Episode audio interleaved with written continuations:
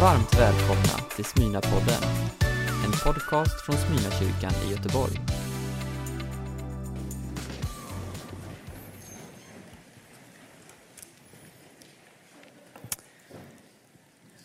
Och igår var vi med Jesus i Getsemane. Såg hur han instiftade nattvarden, var med honom i Getsemane och bad. Och det har varit en lång natt för Jesus. Han har varit i många förhör och allt handlar egentligen om detta ena, hans identitet. Vem är den Jesus? Är han en lögnare? Är han en uppviglare? Är han en bedragare? Eller är det faktiskt så att han är den han säger att han är, Guds son? Det är kardinalfrågan. Då som nu och nu som då. Vem är denne mannen från Jesus, från Nasaret? Och när morgonen kommer då, då förmiddagen kommer, så har Jesus fått sin dom. Och han dömdes inte för tjuveri, han dömdes inte för mord, inte för förräderi. Han dömdes för att han sa han var Guds son. Därför ser vi den här morgonen Jesus gå genom Jerusalems gator som en dömd brottsling och bär ett grovt, tungt kors på sina axlar. Och böjd under korsets tyngd så går han smärtans väg som har kommit att kallas Via Dolorosa. Den vägen som väldigt många går just nu medan vi sitter här nere i Jerusalem så går pilgrimerna den vägen. Och gatorna den här morgonen i Jerusalem är fullt av liksom högljudda människor. Det är spänning i luften, men det är två stycken som går helt tysta. Det är far och det är son. Fadern är osynlig, men han följer varje steg som sonen tar intensivt. Sonen är fullt synlig inför alla och folk pushar och trängs för att få liksom en liten glimt av den här mannen som är dömd av romarna. Men han är ingen behaglig syn. Därför han har precis blivit pryglad på ryggen på det här obehagliga sättet, grymma sättet som romarna gjorde och ryggen är söndertrasad. Och när solen liksom börjar komma upp ordentligt över Jerusalem, börjar bli het, då faller de här tunga slagen. Och ni vet att korsfästelse det är ett fruktansvärt sätt att avrätta människor. Det är så grymt, det är så blodigt, det är så inhumant att det var förbjudet att användas mot romerska medborgare. Och ovanför korset så hänger det här berömda skylten där det står Inri i Jesus, Nazarenus, Rex Ludaurum, som betyder Jesus från Nasaret, judarnas konung. Och det var helt vanligt att man faktiskt skrev liksom namnet på förbrytelsen och namnet på, eller förbrytarens namn och själva förbrytelsen.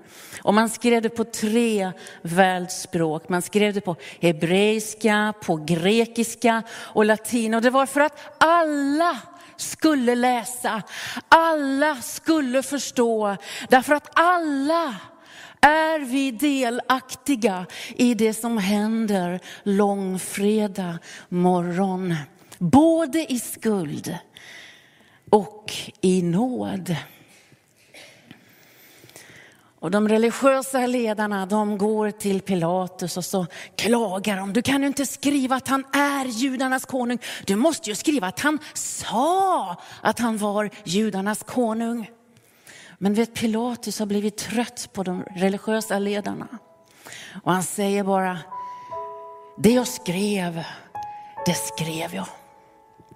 Kanske anade Pilatus, Pilatus av alla människor, kanske anade han att det är Guds son vi ser den här dagen hängande på ett kors på Golgatas höjd i Jerusalem.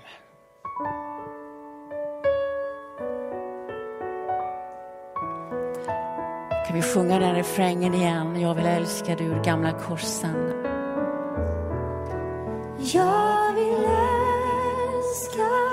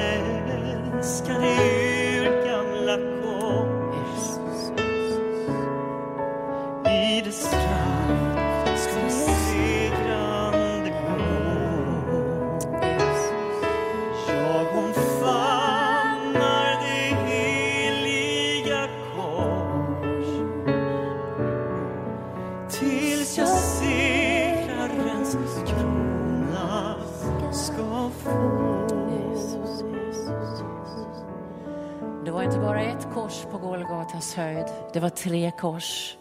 På var sida om Mästaren Jesus Kristus så var det varsitt kors. Där hängde det två rövare. Och vi brukar ju säga till varandra att säg mig vem du umgås så ska jag säga dig vem du är, eller hur?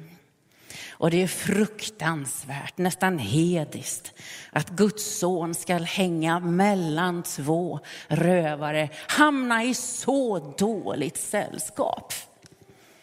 Men man kan ju också vända på hela begreppet och så kan man säga att äntligen hamnar rövare och syndare i gott sällskap, eller hur? För det är det som händer långfredag. Syndare och rövare av alla slag hamnar i gott sällskap. Och den ena rövaren han hedar och säger, om du är Guds son då, hmm. Fräls dig själv. Det måste du kunna göra. Den andra rövaren bävar.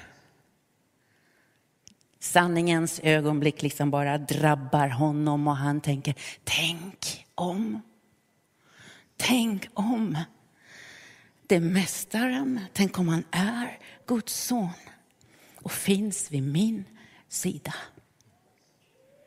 Han ber inte om frälsning, han ber inte om nåd. Han ber bara om en enda sak och det är en tanke. En tanke. Jesus, tänk på mig när du kommer i paradis. Och Jesus kunde ju, alltså han måste ju ha mer än nog med sig själv, Jesus. Han använder alla sina krafter bara att andas. Ändå så svarar han denna rövaren sannerligen. Idag ska du vara med mig i paradis. Och jag tycker det är en sån tröst för oss. När vi ibland undrar för våra nära kära, fann hon vägen hem till Jesus? Eller när vi är bekymrade eller oroliga för oss själva, liksom, eh, kan jag verkligen lita på att jag är frälst? Den här dagen ser ju med all tänkbara tydlighet hur snabbt, hur innerligt, hur fort, hur villigt Jesus bara delar ut frälsningens nådegåva. Generöst och evighetens gåva till syndare av alla slag. Bara vi närmar oss honom.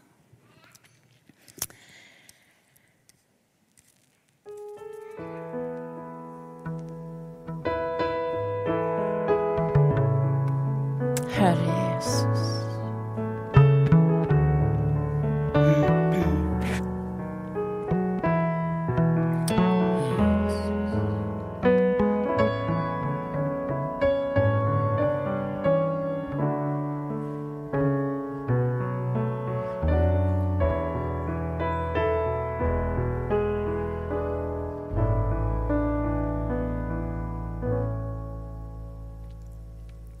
Påsken i Jerusalem inleds alltid samtidigt som den första fullmånen efter vårdagjämningen.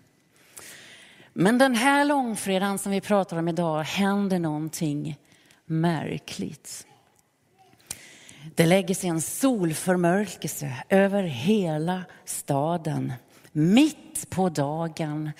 Och solförmörkelse, det är ett omöjligt naturfenomen när det är fullmåne. Och solförmörkelse kan pågå som mest åtta minuter. Men den här dagen, när Jesus Kristus, Guds son, hänger på ett kors, då inträffar det en solförmörkelse ungefär vid den här tiden, vid lunchtid. Och den pågår i tre timmar. Och jag tänker, vi kan liksom få för oss att tro att det är vi som är chefer i universum, eller hur? Att vi kan behandla nästan både Gud och naturen, så, lite så som det passar oss. Men det var han som sa, var det ljus? Och det blev ljus. Och när han som är ljuset, när han som håller både solen och månen och stjärnorna i sina händer, när han kämpar med döden, då är det som om solen inte orkar lysa. Den gömmer sitt ansikte. Jesus, när han föddes, mitt i natten, då blev det ljust. Som på ljusaste dagen där ute på Änglemarken, kommer du ihåg det? Men när han kämpar med döden mitt på dagen, då blir det mörkt som svartaste natten. Och hela universum läggs i mörker när Guds son går in i döden. Och jag tänker kanske är det en påminnelse till oss. Att om Gud släpper taget, om Gud hade släppt taget hade hela kosmos kollapsat. Därför att det är han som håller livet uppe. Det är han som håller livet och världen i sina händer. Kanske blev det solförmörkelse för att änglarna inte orkade se vad som hände. Jag vet inte. Men det fysiska mörkret är liksom bara ett uttryck för det andliga mörker över den här dagen som pågår. För Jesus är inte först och främst övergiven av en mobba. Han är inte först och främst utlämnad till romerska soldater, utan det är djävulen och hans demoner som rasar mot Jesus Kristus. Sen är mysteriet att det är mer än så. Det är inte bara djävulen. Utan Jesaja säger det i en enda mening. Han säger att han blev slagen av Gud. Alltså Guds tålamod över synd och orättfärdighet är slut. Guds vrede över krig och våld och övergrepp och mord och folkmord kräver ett offer. Vi, ser ju det, att det är ganska djupt rotat liksom i en hel del kulturer, religioner, att konflikter kräver ett försoningsoffer, eller hur? Och vi i västvärlden kan kanske tycka att det är lite främmande, men nog är vi snabba och vill ha en syndabock. Visst vill vi det? Nog vill vi att huvuden ska rulla när det är orättvisor. Vi vill ha rättvisa och hela vårt system bygger ju på skuld som blir en dom, som blir ett straff. Och Jesus väljer, Jesus väljer att bli vårt syndoffer, vårt försoningsoffer. Så att det kan ske en upprättelse mellan Gud och människa. Det är alltså under ytan, i det här dramat som pågår långfredag. Under ytan finns ett kärlekens blodröda initiativ. När Gud ger sin son.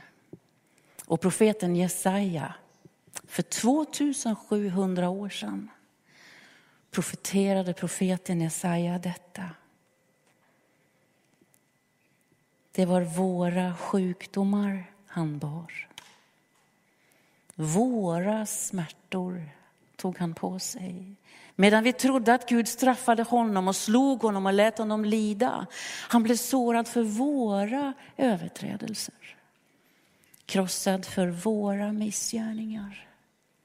Straffet var lagt på honom för att vi skulle få frid. Och vid hans sår blir vi helade. Vi gick alla vilse som får.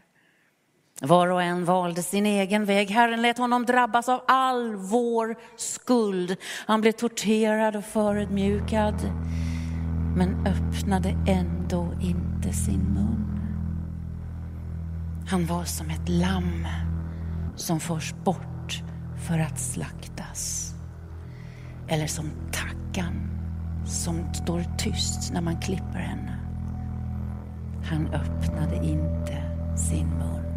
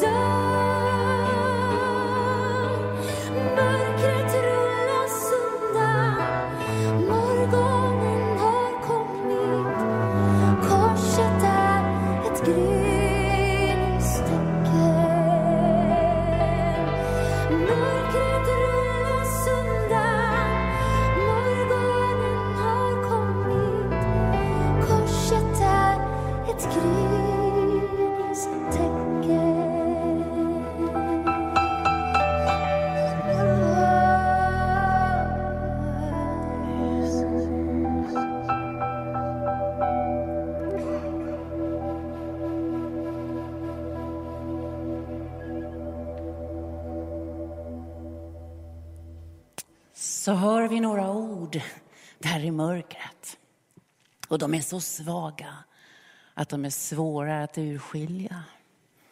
För Jesus har inte mycket krafter kvar, det närmar sig slutet. Han säger Eli, Eli, lama sabachthani. Min Gud, min Gud, varför har du övergivit mig? Och de här orden avslöjar liksom bråddjupen i Jesu lidande. Och jag tänker att just de orden, det som de ekar genom hela historien, från Flanderns skyttegravar, från Rwandas folkmord, svälten i Je- i Jemen, våldet i Syrien och Kongo. Har du övergivit oss, Gud? Har du glömt oss? Två tredjedelar av Ukrainas barn är på flukt. En smärta, en oerhörd smärta vi lever med. Hur ska vi leva med den? Har Gud glömt? Har han övergivit? Vet, människor som förlorat allt, sina hem, sitt arbete, tillhörigheter, som bara tar väskan och flyr. När de får frågan, vad har du kvar, vad gör du nu? Då säger de, vi ber. Har du hört det på nyheterna nästan varje dag? Vi ber. Därför att hoppet lever om att det finns en Gud som hör bön. Att det finns en Gud som inte bara sitter där uppe och tittar på, utan som gör någonting. Och korset är ett stilla men starkt tecken, ett vitt vittnesbörd om en Gud som tar ditt lidande, din sjukdom, som tar folkmord, som tar orättvisor av alla slag på allvar. Det är kärlekens blodfärgade initiativ när Gud ger sin son till soning och försoning för oss alla. Ger oss hopp. Det finns rättvisa. Det kommer en rättvisans dag. Det kommer upprättelse och döden har inte det sista ordet. Det finns en Fjodor Dostojevskij som sa på 1800-talet när vi förlorar hoppet, det är då vi slutar leva. Du vet, hoppet från himlen, hoppet från den första påsken i Jerusalem är så levande och så starkt att det finns ingen människa, det finns ingen nation som kan lägga det i grus. I hoppet är vi räddade, säger Paulus. Amen. I hoppet är vi räddade, ett hopp som vi ser uppfyllt är inte något hopp. Vem hoppas på det han redan ser? Men om vi hoppas på det vi inte ser, då väntar vi uthålligt. Så händer någonting märkligt här. För Jesus säger att han törstar. Möjligt att han vill fukta läpparna eller kanske han vill klara strupen. För det Jesus ska säga nu, det måste alla höra. Varenda människa i varje generation till varje tid. Så han, orden ska liksom ta sig över alla gränser, över sociala gränser, över etniska gränser, över landegränser till varje människa av alla folk och alla stammar. Så Jesus samlar sina sista krafter. Och så ropar han ut. Det är fullbordat. Det som ska göras är gjort. Priset som måste betalas är betald. Det offer Gud behöver är gett. Det är fullbordat. Det finns förlåtelse för synd. Och du och jag får en helt ny början.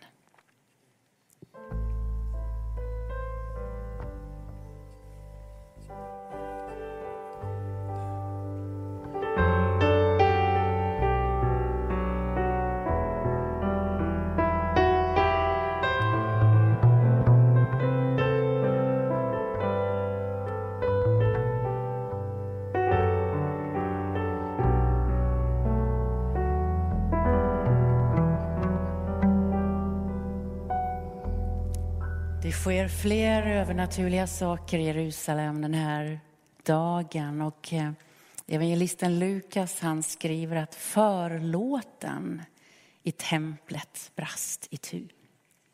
Vilka högtravande ord. Alltså det är nästan ett obegripligt ord, förlåten. Men om du tänker dig liksom som ett gigantiskt scendraperi, då kan du se det hela framför dig. Va? Ett tygstycke, ett draperi som är 18 meter högt. Det är 9 meter brett. Och så är det en sån här knytnäve, tjockt.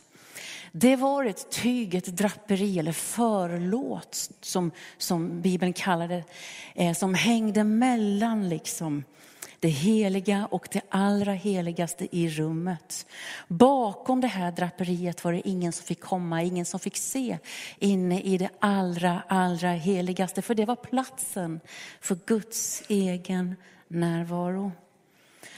Och förlåten då, draperiet, det var liksom en oöverstiglig mur som var mellan Gud och människan. Ingen fick komma in, bara översteprästen. En gång om året på försoningsdagen.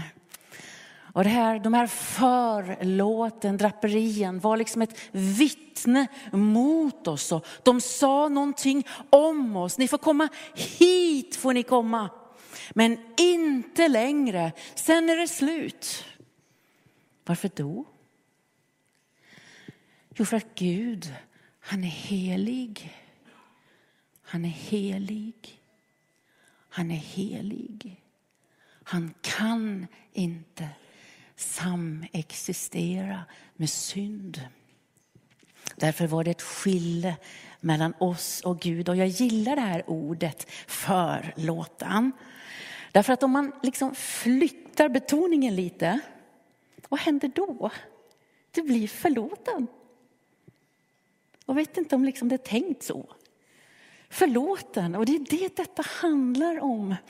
Alltså när Jesus dör så rämnar förlåten uppifrån och ner. Det är som om Gud själv liksom bara river tyget sönder med sina egna händer för att säga till sådana som mig och för att säga till sådana som dig att vägen är öppen.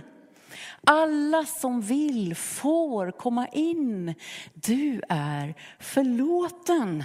Som någon människa försöker att hindra dig, sätta liksom, vad heter det, stenar eller någonting i vägen för dig så att du inte kommer till Gud.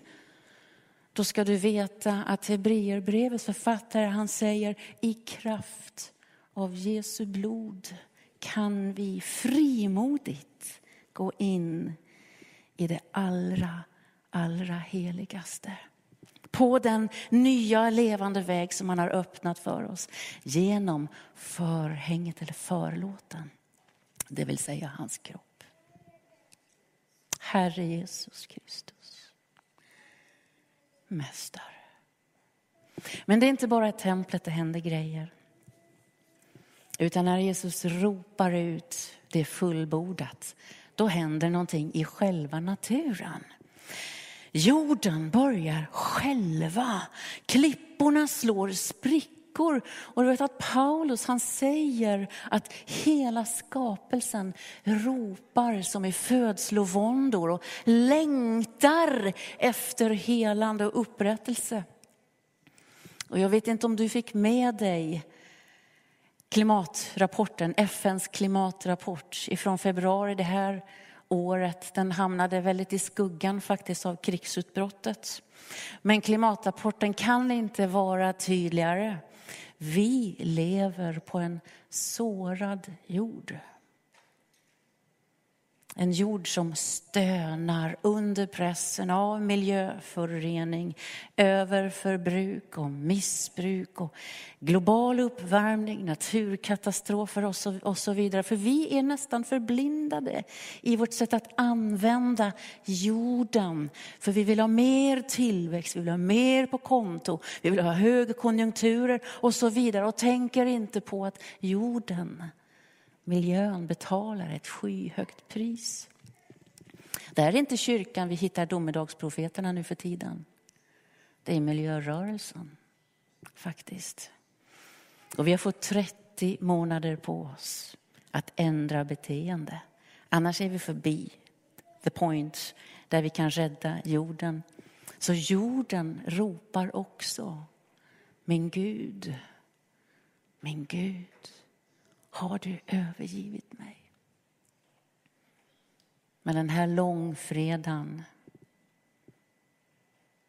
när Jesus ropar ut det fullbordat, då får också jorden, skapelsen, se genom de brustna förlåten, se vad som är på andra sidan, vad som är i nästa rum, få se Guds närvaro. Han som skapade himmel och jord får en glimt av den framtid som är på väg och då skälver jorden till och klipporna rämnar. Och jag tror faktiskt att det är skapelsens eget halal. Eller skapelsens eget halleluja. Vi är inte på väg mot undergång. Vi är på väg mot övergång. Det kommer en ny himmel och det kommer en ny jord. Halleluja. Halleluja. Men så är det fortfarande långfredag. Bara långfredag. Men redan nu får du och jag i Guds hus, i templet, se igenom de brustna förlåten, se igenom sprickorna i muren. Det finns någonting på den andra sidan. Det finns någon på den andra sidan. Därför att himlen har satt dörren på glänt.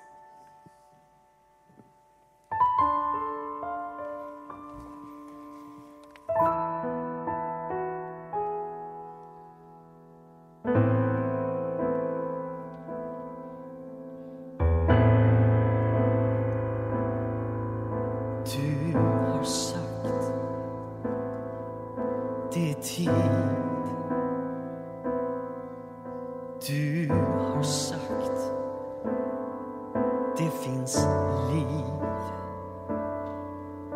i din död, i din nöd. Du har sagt redan då att ditt kors ska förstå världens synd, leave nöd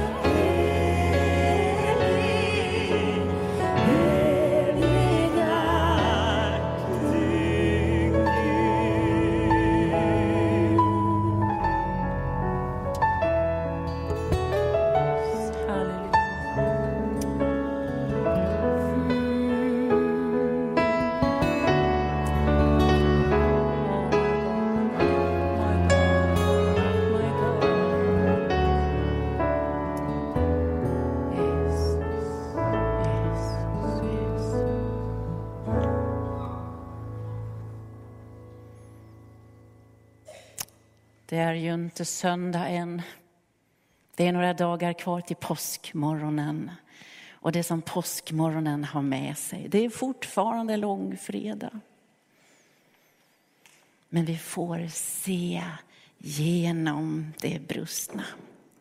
Vi får redan långfredag se genom rävorna. Och vi, fokus, vi fokuserar ju väldigt fort på det brustna, eller hur? På det trasiga. Vi, vi fokuserar på felen, allt som borde varit bättre. Och vi ser till slut nästan bara förstörelsen och svårigheterna och utmaningarna. Men långfredag öppnar våra ögon, låter oss se längre. Så vi ser ljuset som strömmar emot oss genom sprickorna. För när vi ser genom förlåten så ser vi någonting som vi aldrig sett förut. Det går en väg mot framtiden. Det hörs en sång från himmelen. Kan du höra den sången redan idag? Kan du höra det? Vägen till livet blir större. Det kommer en seger och orden från Golgata, det är fullbordat, är hörnstenen och grundstenen i den skapelse som är på väg. För det Jesus gör omfamnar hela skapelsen, inte bara människan. Gud älskar hela sitt skaparverk. Men det är fortfarande långfredag. Och på något sätt kan det nästan kännas som om vår värld just nu befinner sig i den här långfredagen, de här tre timmarna under dagen där solen inte ens orkar lysa. Va? För livet och tillvaron har rubbats, skakats om och jorden skälver. Och det är många som går sitt eget Via Dolorosa, smärtans väg. Och jag vet inte hur din väg ser ut eller hur ditt liv ser ut. Det är inte många som ser och känner av segern på långfredag. Den är mörk, det är hopplöshet, det är smärta. Men segern är på väg och smärta och seger tror jag är djupt förknippade med varandra. Precis som natten hör ihop med gryningen och gryningen hör ihop med natten. Och mörkret hör ihop med ljuset. Vi vet att efter en natt kommer det alltid en gryning. Efter mörkret kommer ett ljus, efter smärta kommer seger och vi ser den genom förlåten, det rike som är på väg. I Guds närhet, i det heligaste ser vi inte bara det brustna utan vi ser hur det brustna går mot helhet och helande. Men det är fortfarande långfredag. Och korset står där. Sträcker sig mot himlen. Famnar hela världen. Så är och förblir korset hoppets tecken. I Jesu namn. Amen. Du har lyssnat på en predikan från Smyrnakyrkan i Göteborg. Hjärtligt välkommen att lyssna igen eller besöka Smyrnakyrkan. Gud välsigne dig och din vecka.